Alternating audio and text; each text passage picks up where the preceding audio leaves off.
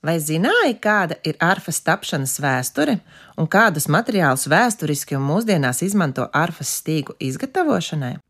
Arfa pieder pie pasaulē vissenāk pazīstamajiem mūzikas instrumentiem. Tā tika plaši izmantota jau senajās civilizācijās. Par tās izcelsmi stāsta leģendas un mīti.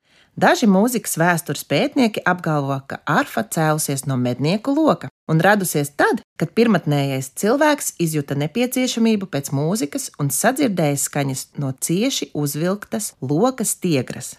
Nav iespējams noteikt vienu vienīgo ārfas izcelšanās valsti, bet jāpiemin tuvie austrumi un tālie austrumi, kā arī Āfrika un Dienvidamerika zīmējumi, freskas, skulptūras, mūzikas instrumenti, kas atrasti arheoloģiskajos izrakumos. Tās ir galvenās liecības par mūzikas instrumentu izcelšanās vēsturi un spēles tradīcijām. Ārfas izcelšanās laiku var datēt jau ar trešo gadu tūkstoti pirms mūsu ēras. Gan Eģiptē, gan divupē darināja nepārspēti meistarīgas rotas lietas un mūzikas instrumentus, kuru izgatavošanai izmantoti dārgmetāli, dārgakmeņi, perlamutrs, emalija. Arfas forma bija lokveida, kas pakāpeniski pieņēma trīs stūra formu. Parasti to darināja no kļavas koka, dekorotāja perlamutras ziloņkauls, augstvērtīgu koku šķirnes kokgriezumi. Arfas kronis tika greznots ar sfinksa, faraona galvu vai lotosa ziedu. Interesanti, ka tālo austrumu valstīs, Āfrikā un Amerikā arfveidīgie instrumenti ir izcēlušies neatkarīgi no tuvo austrumu senajām civilizācijām.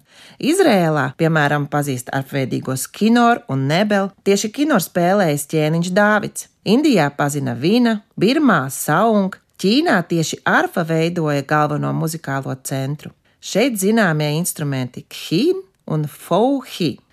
Visbiežāk šos instrumentus izmantoja līdzīgi kā tuvo austrumu civilizācijās, kā ansambļa instrumentu dažādos rituālos, svētkos un ceremonijās. Arī Dienvidamerikas indiāņi zināja arfveidīgus instrumentus. Āfrikā, Sahāras tūkstneša apkaimē pazina arfas tipa instrumentu koru.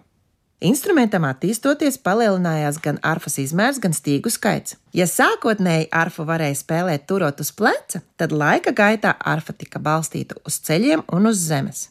Grieķu vāzes ir viens no tiem vēsturiskiem avotiem, kas liecina par arfas izmantošanu. Tā kā grieķu kultūrai ir raksturīga teksta un mūzikas nedalāmība, Homēra eposi netika lasīti, bet gan dziedāti, un ir liecības, ka nereti tos dziedāja arfas pavadījumā. Eiropā arfa ienāca viduslaikos. Arfas izplatību un popularizēšanu Eiropā sekmēja klejojošie muzikanti.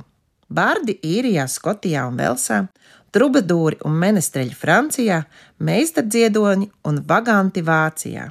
Bet arfisti izjuta lielu nepieciešamību instrumentu uzlabošanā un pilnveidošanā. Viduslaiku ķeltu arfai mainījās izmēri, Arfas kolonna ieguva tikai ķeltu arfai raksturīgo lokveida formu, palielinājās stīgu skaits.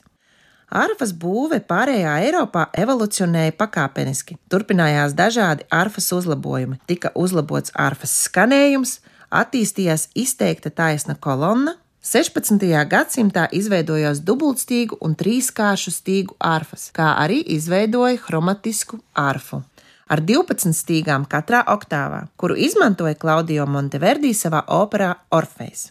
17. gadsimtā nezināms tiroliešu meistars konstruēja pirmo āķu mehānismu arfu. Tomēr tas viss bija tālu līdz pilnībai. Sākās dažādi eksperimenti, parādījās dažādu tipu pedāļu arfas līdz 1801. gadā tika patentēta 46 stīgu dubultdarbības pedāļu koncertārfa, kādu pazīstam šodien. Par to sīkāk pastāstīšu kādā no nākošajiem raidījumiem. Bet tagad vairāk par to, no kādiem materiāliem vēsturiski bija pagatavotas arfu stīgas un kādus materiālus izmantojam vēl šodien koncertārfām. Vēstures dati liecina, ka arfas stīgas ir bijušas radītas gan no zirgu astriem, gan kokvilnas, gan lina, gan vara, gan dzīvnieku zarnām. Velsas karaliskās ģimenes piederīgie spēlēja arfas, kas bija ar zelta un sudraba stīgām. 1930. gadā tika radīts jauns sintētisks materiāls - neilons. To ātri sāka izmantot mūzikas instrumentu stīgām. Neilona stīgas piedāvāja stabilitāti, izturību un mazāku ietekmi no laika apstākļiem. Šobrīd ir pieejams dažādu veidu arfas stīgas, ietverot gan tradicionālos dabīgos materiālus, gan modernās sintētiskās iespējas, un nesen tika izgudrots pat sintētiskās zarnu stīgas.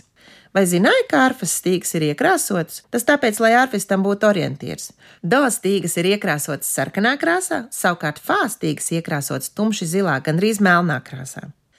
Šodien arfisti spēlē uz trīs dažādu materiālu stīgām. Zemākās 12 basas stīgas ir metāla pinuma stīgas, arfas vidus reģistrā vispopulārākās ir zarnu stīgas, savukārt pašas tievākās augšējā reģistra stīgas ir no neilona.